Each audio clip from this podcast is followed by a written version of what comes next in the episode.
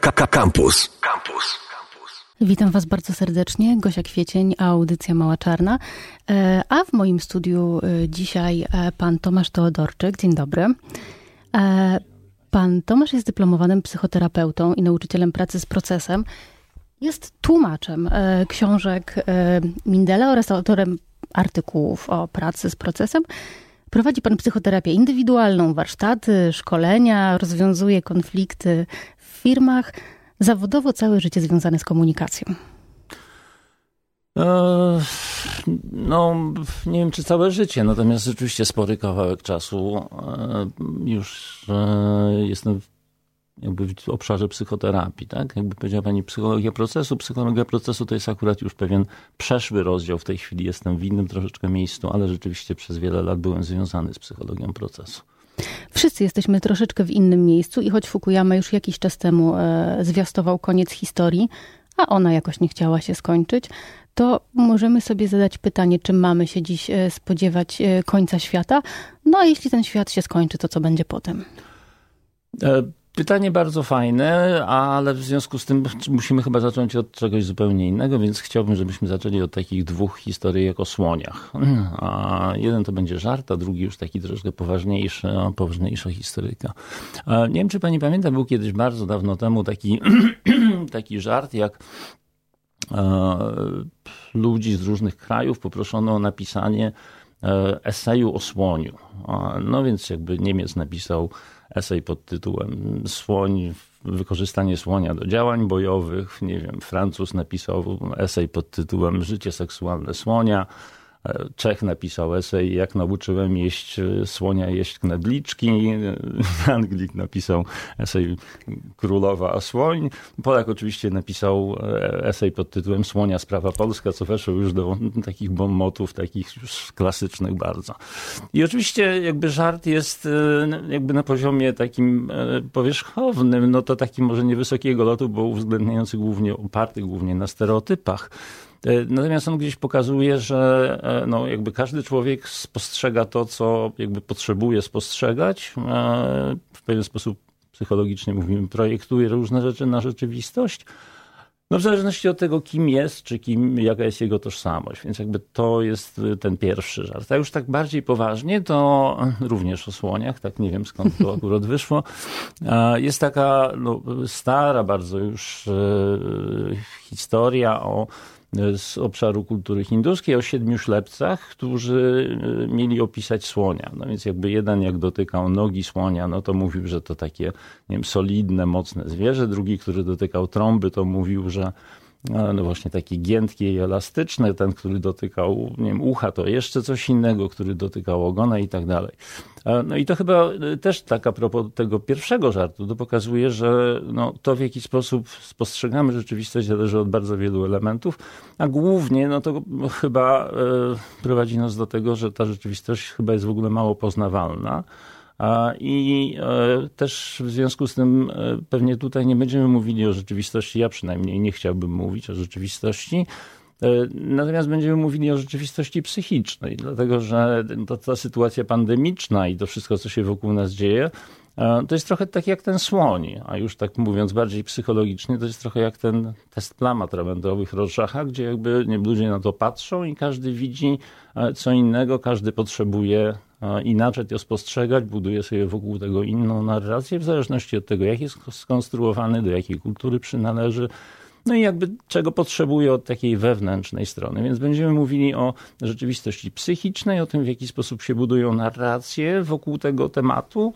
No i co z tego można my wyciągnąć zarówno dla siebie indywidualnie, jak i dla, nie wiem, społeczeństwa, czy może nawet i e, takich bardziej globalnych procesów, które które się dzieją w tej chwili w świecie. A gdybyśmy się chcieli ciągle trzymać tego słonia e, za ogon, to można by powiedzieć, że gdybyśmy nagle dojrzeli tego słonia w całości, tak holistycznie, to to byłby stan oświecenia?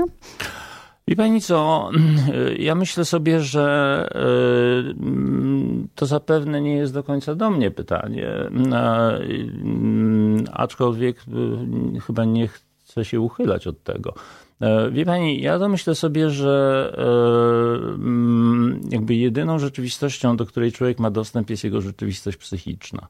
W takim sensie, że ja nie wiem, czy rzeczywistość istnieje, czy nie. Ja wiem o tym, że człowiek ma dostęp tylko do swojej rzeczywistości psychicznej i do niczego więcej. Więc jakby od strony takiej e, jakby filozoficznej, to powiedziałbym, że e, to chyba w tą stronę bym, bym szedł.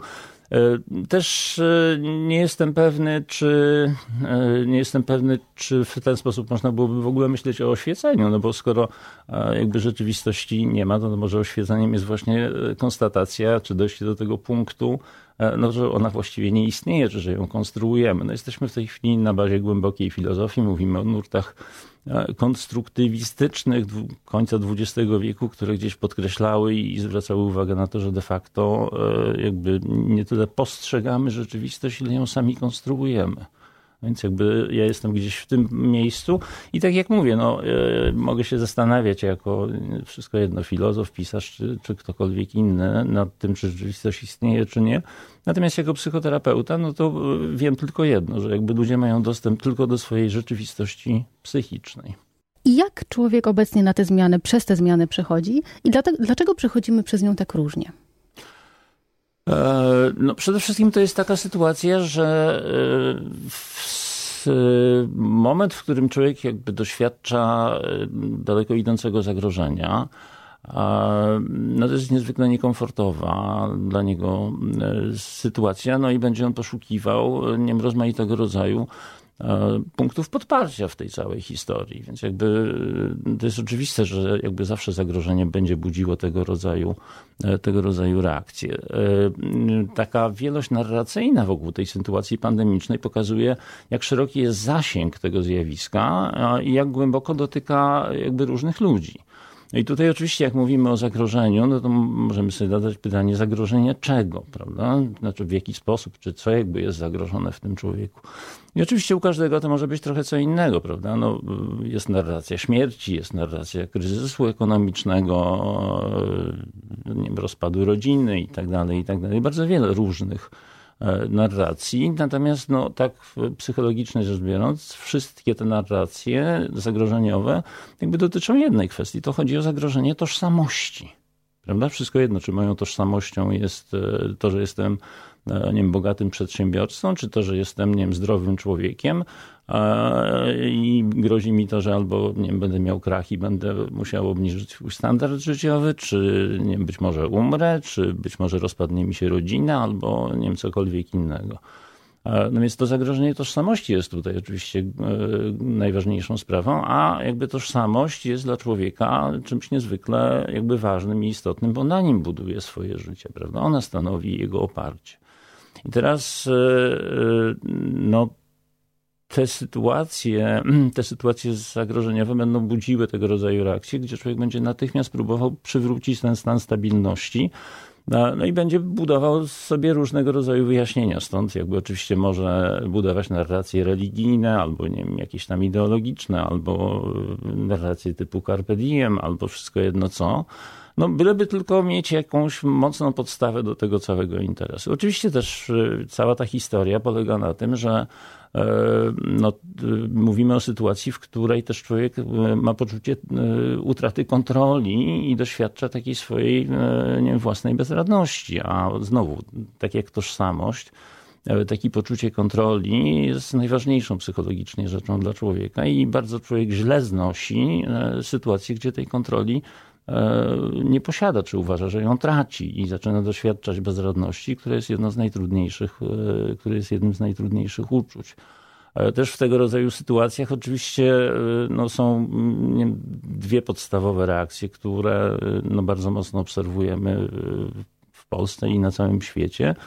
E, no, w tego rodzaju sytuacjach utraty kontroli i doświadczania poczucia bezradności, no, albo narasta agresja, no agresji mamy w tej chwili pod, pod, dostatkiem. pod dostatkiem, albo e, jakby odwrotna reakcja typu depresję, prawda, czyli takie, nie wiem, wycofanie się, poczucie już kompletnego bezsensu i, no i jakby to też bardzo mocno obserwujemy. Więc jakby ta tożsamość jest zagrożona. I e, no, budujemy różne narracje, no, po to, żeby gdzieś w tym całym bałaganie no, odnaleźć jakiś kawałek stałego gruntu pod stopami. No dobrze, ale powinna być też, e, przynajmniej tak myśląc pozytywnie, taka trzecia droga. E, trzecia droga, która sprawia, że ani nie popadamy w depresję, ani nie stajemy się skonfliktowani z tą częścią świata, która myśli inaczej niż my, tylko gdzieś myślimy sobie, kurczę, no dobrze, jestem tu i teraz, żyję, jestem jeszcze zdrowy, mam co jeść, mam co pić, no to zróbmy coś z tym. Mam na myśli taką ucieczkę do przodu. Mm, wie pani co? Y, no, mm, ja myślę, że to, co pani mówi, jest y, bardziej myśleniem życzeniowym i taką jakby próbą y, spostrzegania człowieka jako nie istoty racjonalnej, a człowiek taką istotą racjonalną nie jest, to po pierwsze. Po drugie, no w sytuacji zagrożenia e, nie wiem, rozum idzie się gonić, dlatego że zaczynają władać człowiekiem zupełnie inne warstwy jakby psychiki i tak dalej. Poza tym, wie no ja myślę sobie, że też e, tutaj e, chyba warto przywołać koncepcję Arnolda Galena, e, że człowiek jest po prostu takim homo defectus, tak? jakby takim człowiekiem zdefektowanym, takim zdefektowanym zwierzęciem, faktycznie rzecz biorąc, no bo jakby zostaje pozbawiony tych wszystkich e, nie wiem, bezpiecznych, fajnych mechanizmów obronnych, które są e, w dyspozycji zwierząt, takich jakby ewolucyjnie troszkę wcześniejszych niż człowiek, tak zwany człowiek, może tak to nazwijmy. Więc jakby on zostaje pozbawiony y, tych wszystkich biologicznych y, przewag, które ewolucyjnie niżej stojące zwierzęta posiadają. E, natomiast nie zyskał nic więcej poza e, wątpliwą, wątpliwym darem pod tytułem świadomość, która głównie daje mu poczucie bezradności, które stara się na wszelki sposób e, nie wiem, wyprzeć, czy skompensować, czy zastosować różne mechanizmy obronne po to, żeby tej e, bezradności nie doświadczać. Pisze pan w swoich artykułach, że człowiek jest e, istotą ekscentryczną. Ekscentryczną w rozumieniu dystansującą się do swoich doświadczeń. Mhm. Jak to się ma do tego, że jesteśmy w stanie, o tym co rozmawialiśmy przed chwilą, że my żyjemy tylko swoim doświadczeniem i doświadczamy tylko swojej rzeczywistości. To jak jesteśmy w stanie się do niej zdystansować? Mm, y, to y, o tej ekscentryczności to, to pisał Helmut Plessner oczywiście, ale y, znaczy on mówił, że znaczy on jakby stwa, znaczy mówił o tym, że jakby zwierzęta są centryczne w taki sposób, że jakby... Tu i teraz. Nie, nie tu i teraz, że jakby e, one doświadczają, ale nie do końca wiedzą, że doświadczają. Aczkolwiek mhm. też poddawał to w wątpliwość. Znaczy my nie tylko doświadczamy, ale wiemy, że doświadczamy, czyli jakby zyskujemy pewien rodzaj świadomości, pewien jak to ładnie by powiedzieć, pewną metapozycję, czy jesteśmy w stanie metakomunikować, czyli mówić o tym, co się z nami dzieje. To sprawia, że jesteśmy się w stanie zdystansować. Natomiast y, to nam niespecjalnie pomaga, dlatego że jakby to ten rodzaj zdystansowania się no daje też nam świadomość taką, że no jakby my sobie coś tam budujemy i uważamy, że to jest jedyna prawda, ale oczywiście doświadczamy też tego, że są inni ludzie, którzy mają inne prawdy. No i jest pytanie, co z tym wszystkim zrobić? Jakby co zrobić z tą różnorodnością, która jest z różnorodnością poglądów, z różnorodnością ludzi, świata i tak dalej, co z tym wszystkim zrobić?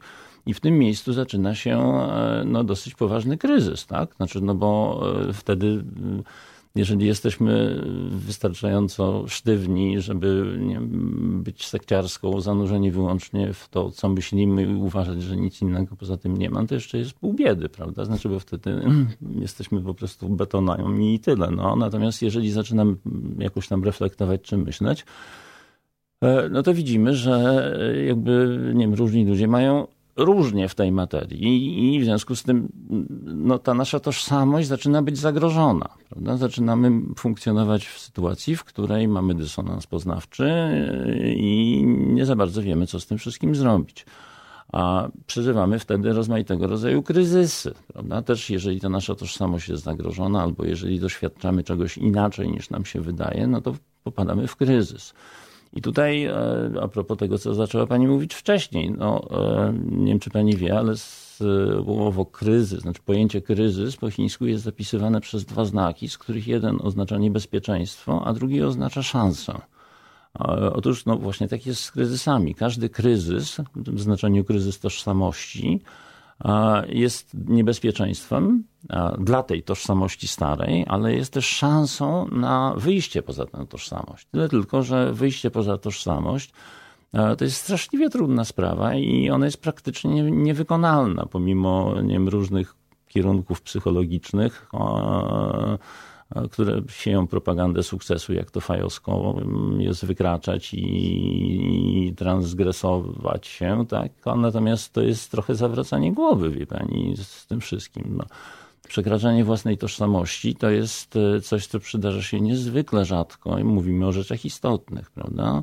Tak naprawdę to myślę sobie, że prawdę miał e, James Hillman, kiedy mówił, że jakby przemiana się zaczyna wtedy, kiedy nie ma już nadziei a tylko wtedy, czyli jakby w sytuacjach granicznych, bo w momencie, kiedy jest sytuacja taka normalna, to człowiek oczywiście będzie miał tendencję do kombinowania jak koń pod górę, żeby mimo wszystko zrobić tak, żeby zachować tę swoją starą tożsamość, mhm. prawda? żeby nie wychodzić poza tę strefę komfortu. Więc jakby my robimy dokładnie to samo, prawda? Jakby mamy pewną dużą szansę, dlatego że tożsamość indywidualna, społeczna, światowa zostaje zagrożona Natomiast y, no, wszyscy staramy się tylko po prostu nie wiem, przeczekać tę całą historię, doczekać do tej szczepionki albo do coś tam, żeby spokojnie powrócił status quo ante i żebyśmy mogli wrócić do swojego wygodnego, starego życia i nic nie zmieniać tak naprawdę w nim.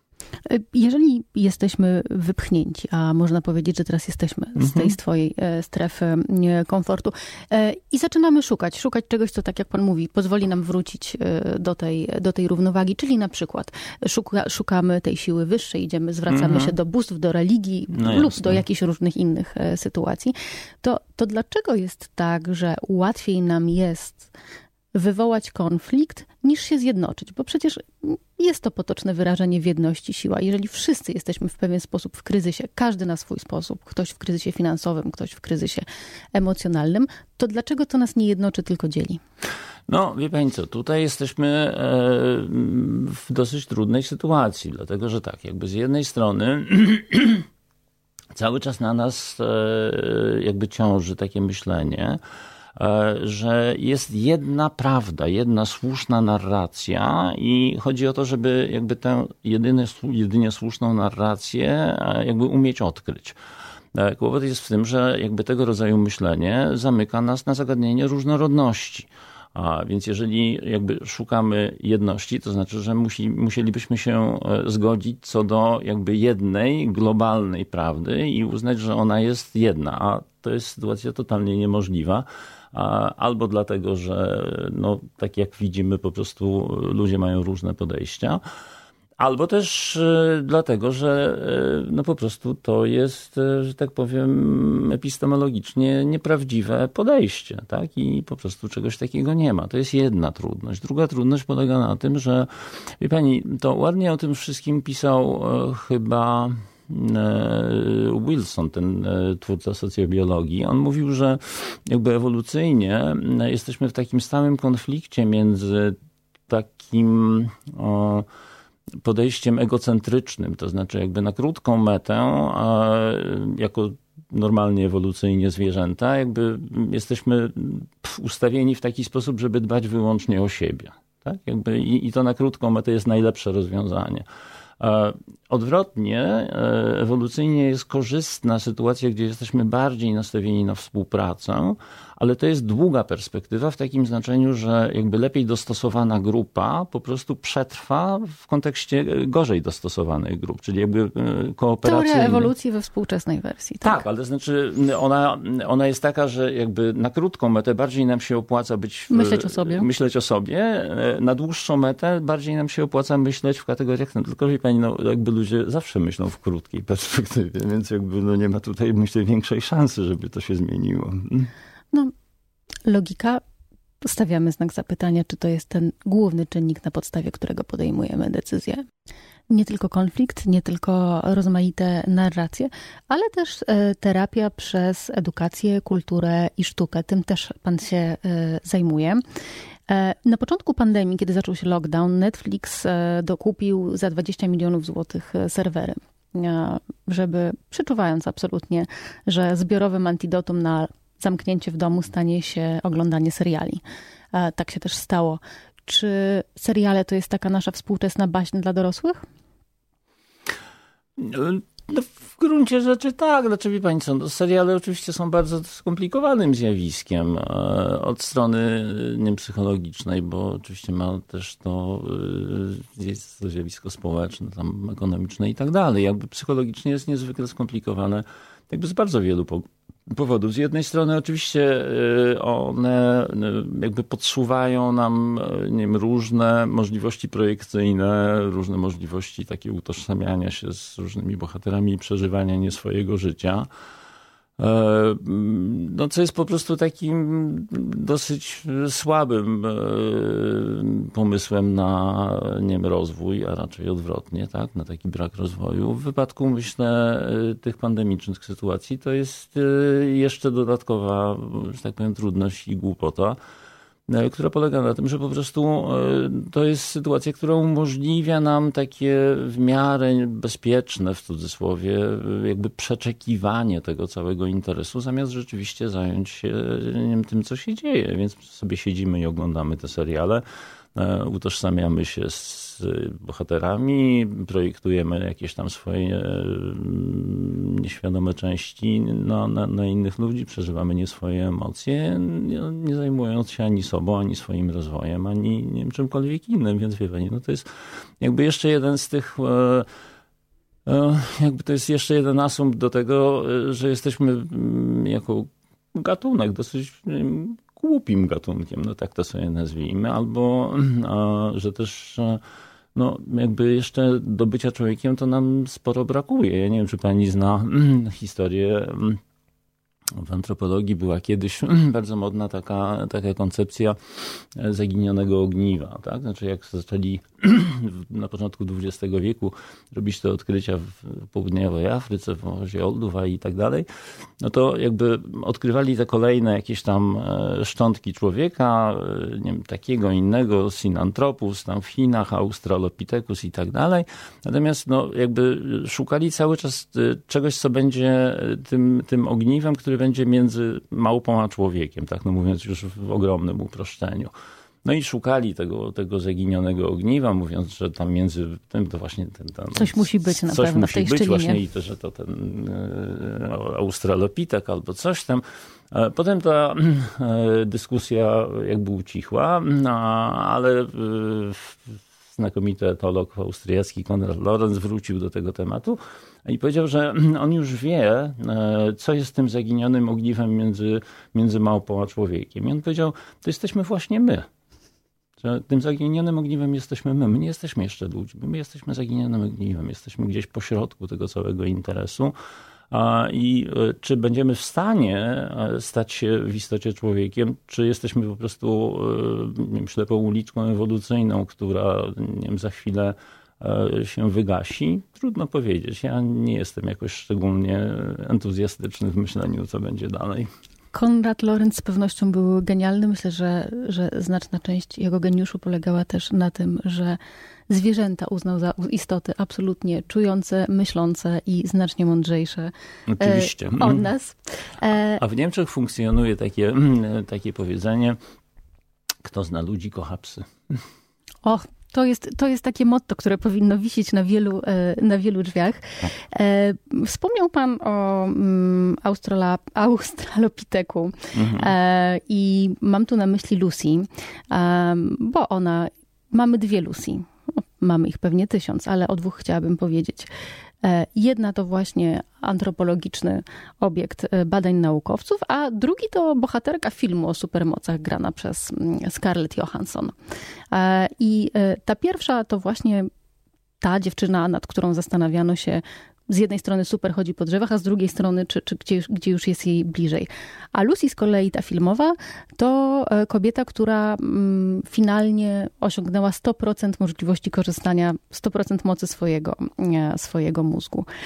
Mm, skończyło się to oczywiście strasznie źle. E,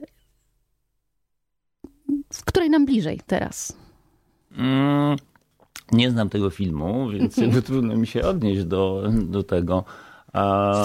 Wie, wie, pani, no, myślę sobie, że mm, tu chyba jesteśmy też w, w podobnym temacie, bo tego rodzaju narracje, jak w, no właśnie w tym filmie, którego nie oglądałem i w wielu innych, to są takie, mm, to są takie, wie pani, mm, narcystyczne iluzje wspaniałości człowieka. Takiego, takie myślenie, że jesteśmy właśnie już no nieomal na tym Olimpie, że osiągamy e, no, szczyty możliwości, a przynajmniej jest, są one o wyciągnięcie ręki, no, że za chwilę osiągniemy pełne oświecenie, nie wiadomo co to wprawdzie jest, ale że, że, no, że za chwilę będziemy no, naprawdę już e, samogęste, tak? Jakby, natomiast no, myślę sobie, że to e, tak jak powiedziałem, no są to po prostu narcystyczne iluzje i chyba im szybciej je, że tak powiem, zweryfikujemy i zobaczymy, no jednak taką naszą e,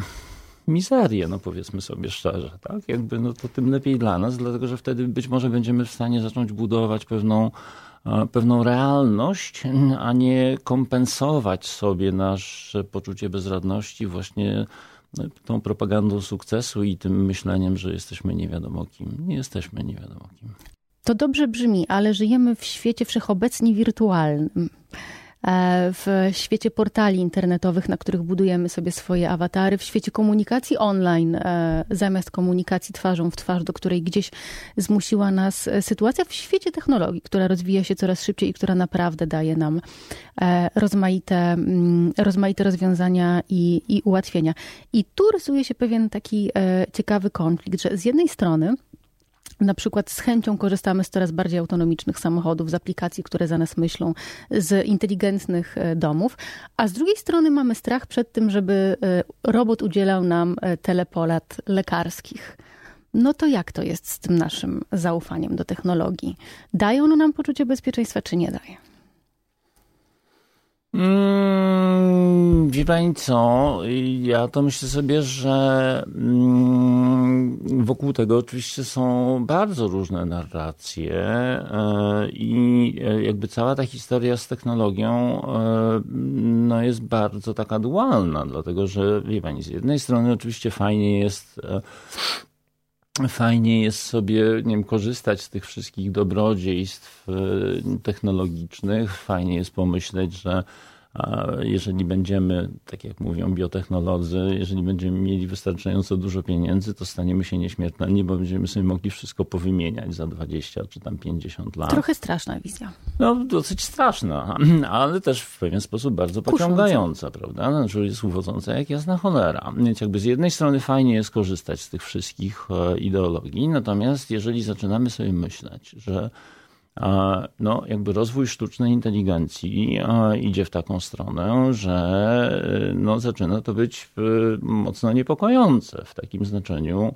A nie wiem, czy pani zna historię stosunkowo niedawną, że tak jak była taka słynna historia w, chyba w 1996 program komputerowy wygrał z, w szachy z Garym Kasparowem, Kasparowem, ale potem było jeszcze śmieszniej, dlatego że oni doszli do wniosku, że tam szachy to jest pikuś, no bo ona jest oczywiście trudną grą, ale jakby stosunkowo prostą.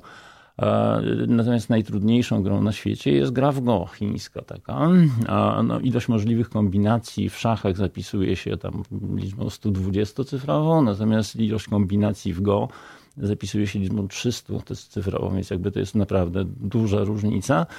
No i jakby pewien facet jakby uwziął się, żeby e, jakby skonstruować program, który wygra wygra. No i wygrał. W 2016 e, ten program AlphaGo wygrał e, z 17-krotnym mistrzem południowo-koreańskim, 4 do 1 zresztą. I w tej chwili jakby no, mamy tę sztuczną inteligencję w takiej formule, że no ona po prostu e, no, za moment, e, no, że tak powiem, już wielokrotnie przewyższy nasze możliwości. No to w związku z tym powstaje dosyć znaczące pytanie, no a my to co w takim razie, tak? No to musimy się jakoś bronić przed tym całym interesem, no bo jeżeli, e, jeżeli będziemy mieli tą sztuczną inteligencję, no to właściwie my jako gatunek możemy spokojnie pójść sobie w odstawkę, prawda? No bo po cholera. No Harari twierdzi, daje nam takie troszkę światełko e, w tunelu i, i w swojej książce 21 mm, lekcji na XXI wiek e, pisze, że, że tak, że tak się wydarzy prawdopodobnie, że sztuczna inteligencja zastąpi nas na wielu stanowiskach, mhm. ale że na ten moment, y, mimo tego, że potrafi się uczyć i uczyć się znacznie efektywniej niż człowiek, nie zastąpi kreatywności. To znaczy, będzie w stanie skomponować na przykład wspaniały utwór muzyczny, ale to nie będzie genialny utwór muzyczny. I pani co, to jest y, dosyć y, wątpliwa koncepcja i ona w tej chwili nie znajduje potwierdzenia. Na przykład w tej chwili sztuczna inteligencja produkuje Rembrandty, które nie są e, możliwe do rozpoznania. Buduje utwory muzyczne, które są nie, nie do rozpoznania przez, e, znaczy takie, które by mógł skomponować Chopin albo, tak. nie wiem, Strauss albo wszystko jednak, no. E, ta sztuczna inteligencja, wie pani, e, wracam do tej historii z, z tym programem e, do gry w Go to ten program wygrał głównie właśnie dlatego, że zastosował tak kreatywne rozwiązania, że normalnemu człowiekowi one by w życiu do głowy nie przyszło. To jest, wie pani, znaczy one są w stanie, znaczy to jest słynna historia, to jest tak zwany 39 ruch w pierwszej partii, tego programu, gdzie, gdzie on po prostu zrobił coś takiego, e, co kompletnie łamało wszystkie reguły gry w go.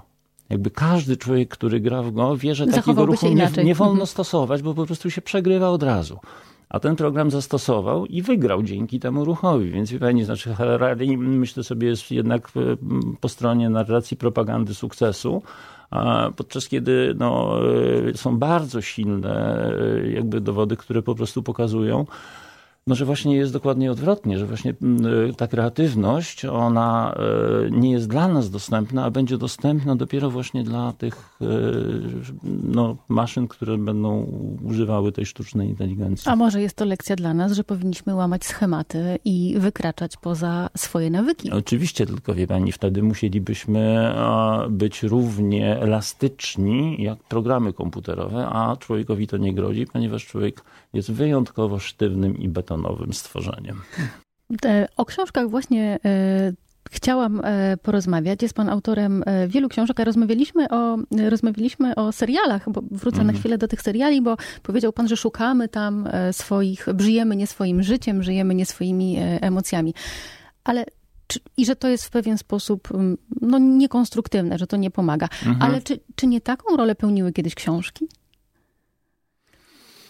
E, wie pani co? No pewnie tak, tylko że e, mm, jakby tutaj chodzi o mm, taką inspirację, tylko że jakby inspiracja, która jest nieprzekuta w, w działanie, no to jest po prostu... Nieefektywna.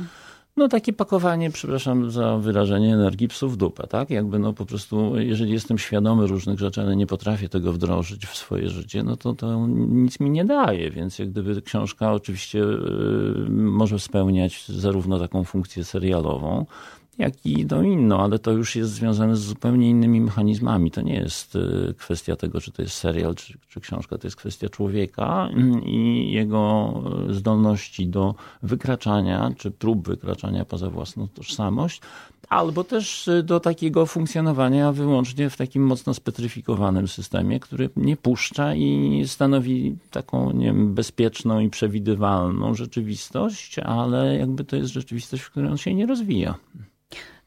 W jednej z ostatnich audycji, e, w których e, gościły ekspertki e, do spraw transformacji cyfrowej, padło takie sformułowanie, że kraje, w których najszybciej przyjmuje się ta transformacja cyfrowa, w których zastępuje postęp technologiczny, są kraje, w których jest dyktatura. Właśnie, mm -hmm. właśnie dlatego, że tam najłatwiej Narzuca odgórnie się. coś, tak, coś narzucić. Tak, tak, tak. Rozmawialiśmy dzisiaj dużo o tym, o tej indywidualnej perspektywie człowieka, o tym, że doświadczamy mm -hmm. tylko tego, co nam świadomość pozwala mm, doświadczyć i że ten kryzys, czy, czy globalny, czy lokalny, on zawsze jest związany z kryzysem e, tożsamości. Ale czy, czy to nie jest tak, że mm, my teraz się tak boimy, dlatego że pierwszy raz, być może niektórzy z nas pierwszy raz, zostali zamknięci w domu i zmuszeni do przebywania sami ze sobą. Na co dzień tego nie robimy. E, no tak, znaczy po części e, zostaliśmy zmuszeni do bycia samymi sobą, tak, ale jakby no też zostaliśmy zmuszeni do bycia zamkniętymi ze swoimi rodzinami, partnerami, dziećmi i tak dalej, i tak dalej. Więc jakby z jednej strony, e, znaczy i jedno i drugie jest przerażające w zależności od tego, o kim mówimy, prawda? Nie wiem, introwertycy będą się super wyrabiali, jeżeli będą sobie siedzieli na kwarantannie i mieli wreszcie możliwość czytania książek. Natomiast jakby ci wszyscy, którzy no właśnie no, nie za bardzo są tacy socjalizowani i, i muszą przebywać z, wiem, 24 godziny z partnerami i dziećmi, no to pewnie gdzieś na koniec dnia mają ochotę im wszystkim łeb ukręcić i w tej chwili obserwujemy bardzo silnie taki moment, w którym no, nie wiem, dużo kryzysów w związkach i dużo nie wiem, rodzin, rozwodów, dużo się rozpada tego typu e, wspólnot właśnie z powodu tego, że no, za dużo przebywamy ze sobą. Jeżeli Was też to dotyczy, to mam taką propozycję. Póki nie pada, idźcie na spacer. Tomasz Teodorczyk, e, dyplomowany e, psychoterapeuta, e, pisarz, filozof, gościł dzisiaj w Małej Czarnej. Serdecznie panu dziękuję, dziękuję za to spotkanie. Bardzo. Słyszę się z wami za tydzień. Dzięki Kuba Grądziel za realizację. Do usłyszenia. Gosia Kwiecień, cześć. Słuchaj Radio Campus, gdziekolwiek jesteś. Wejdź na www.radiocampus.fm.